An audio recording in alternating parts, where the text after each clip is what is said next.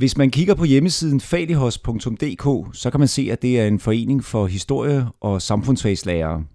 Foreningen har eksisteret siden 1961 og har til formål at styrke undervisningen i historie og samfundsfag i folkeskolen.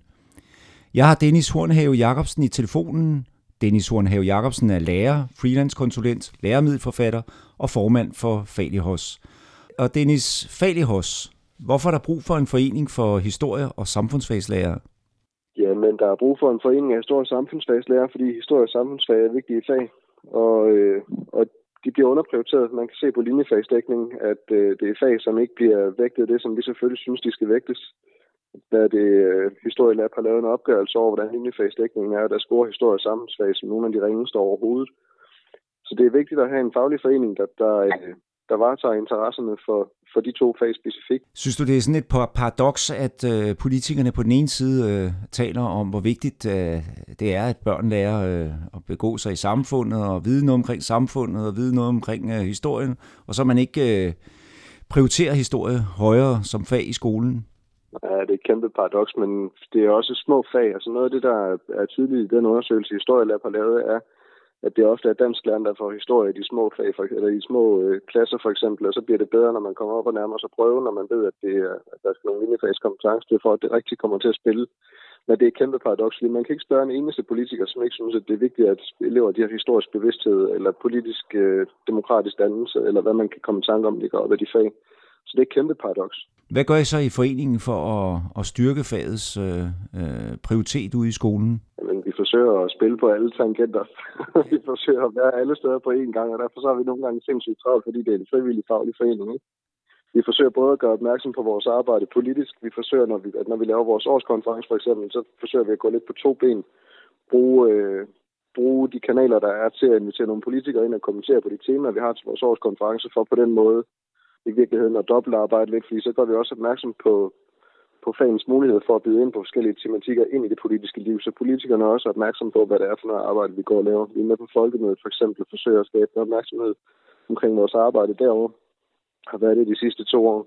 Men vi forsøger også at, at lave konsulentarbejde, lave undervisningsmateriale. Vi har været med i arbejde omkring Sigurds Danmarks historie, forsøger at pege på, hvordan man kan arbejde med faget ud fra nogle nye vinkler, som både har et motiverende aspekt, men selvfølgelig også, øh, selvfølgelig også har det overordnede samfundsmæssige aspekt, kompetencer, alle de her ting, som, som traditionelt ligger i faget. Ja, så vi forsøger at gøre det hele, og derfor så er det, øh, det er selvfølgelig noget, jeg kunne fortælle om i, i halvanden time, i stedet for bare lige et kort interview her i radioen. Men, øh, men vi forsøger at gøre det hele. Vi forsøger at være synlige politisk. Vi forsøger at være helt lavpraktisk konkret til stede i klasselokalerne. Vi forsøger at stå til rådighed for vores medlemmer med råd, vejledning, sparring. Øh, så vi forsøger, vi forsøger at gøre lidt det hele, ikke? Er det sådan, at I øh, føler, at I skal skubbe jer selv ind til politikerne, eller er de, er de gode til selv at, at spørge jer til råds? Vi skal skubbe os selv derind. vi skal skubbe os selv derind. Altså, vi får intet foræret som en lille faglig forening. Vi får lige præcis det rådrum, vi selv skaber for os selv. Og derfor er det også øh, super vigtigt for os, at vi har en ordentlig medlemsopbakning, så vi kan komme med et vist antal medlemmer i ryggen og sige, at der er faktisk opbakning til den her måde at tænke fagene på. Øh, vi har selvfølgelig vores, vi har en strukturel placering under Danmarks Lærerforening, ligesom alle de andre faglige foreninger har, så derfor så er vi jo i høringsret på alt, hvad der kommer fra ministeriet, og de lytter til os i ministeriet, for vi har et rigtig fint samarbejde med fagkonsulenterne derinde.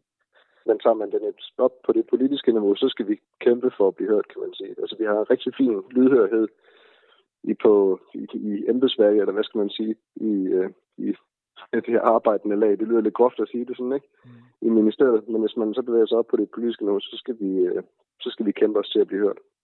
Men synes du det er, altså i perioder, så kan man sige, at øh, historie og samfundsfaget, det er jo øh, politiske kamppladser, om man så må sige. Øh, synes du, at det i øjeblikket er, er sådan en, en politisk kampplads? Det er sådan lidt en tese, jeg har gået og rumlet med inde i mit eget hoved, og det, jeg har ikke noget sådan belæg for det, men der var sådan lige et momentum, op til, øh, op til at øh, Danmarks Radio, de kørte, øh, hvad hedder den nu, historien om Danmark. Der var rigtig meget run på. Der var rigtig mange, der gerne ville, øh, ville snakke historie, og hvad det er, historie gør, og hvilke perspektiv der kan være i. Og, øh, og fortælle en historie, der samler, eller om man skal fortælle flere historier, der, øh, der viser diversiteten i historiefortællinger. Alt de der diskussioner, som ligger i historiedidaktikken. Og så er det ligesom om, der lige er lidt et dødvand nu, hvor folk de faktisk er blevet fyldt lidt op af, at, øh, at Danmarks Radio har kørt så hårdt på med, med historie. Men generelt kan man sige, at det er enormt nemt at få lydhørighed omkring, omkring historie, fordi det netop er et brugsfelt. Altså det er i virkeligheden også, øh, du ved at du kommer til at stille spørgsmål om, hvorfor det er vigtigt at have historie i skolen. Altså det, det, det, det, historie er en politisk kampplads. Altså når historie bliver fortalt, så bliver det altid fortalt, fortalt ud fra øh, fortællerens perspektiv. Og så er der blevet truffet nogle tilvalg og nogle fravalg, som, som ofte signalerer en eller anden form for politisk øh, et politisk ståsted. Ikke? Nu er det selvfølgelig et stort spørgsmål, men hvis du sådan var, var undervisningsminister, hvordan vil du indrette uh, historiefaget? Så først og fremmest give det meget mere tid. Ikke? det er sammen ikke, øh, det er sammen ikke nogle store skemapositioner, vi har til, til to så vigtige fag. Nej, det er noget med, at uh, i 9. klasse har de på mange skoler kun én lektion. Ja, det er præcis.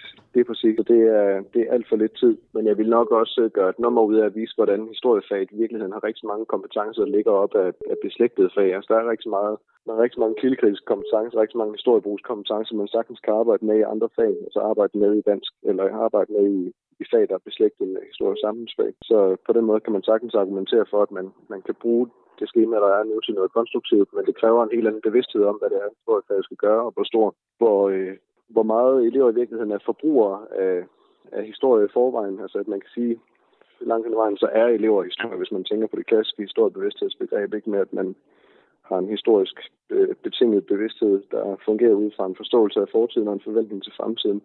Men der er også, øh, som jeg siger før, der er rigtig meget politisk argumentation, som bruger historie. Anders Fogh Rasmussen er for eksempel med øh, hvor han argumenterer med 1864 for, at vi skal gå ind i Afghanistan. Og alle de her eksempler på, hvordan historie bliver brugt.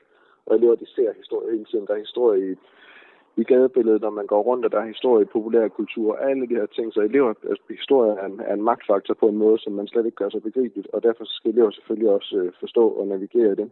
Sagde Dennis Hornhave Jacobsen, formand for Falihos, Foreningen af Lærere i Historie og Samfundsfag.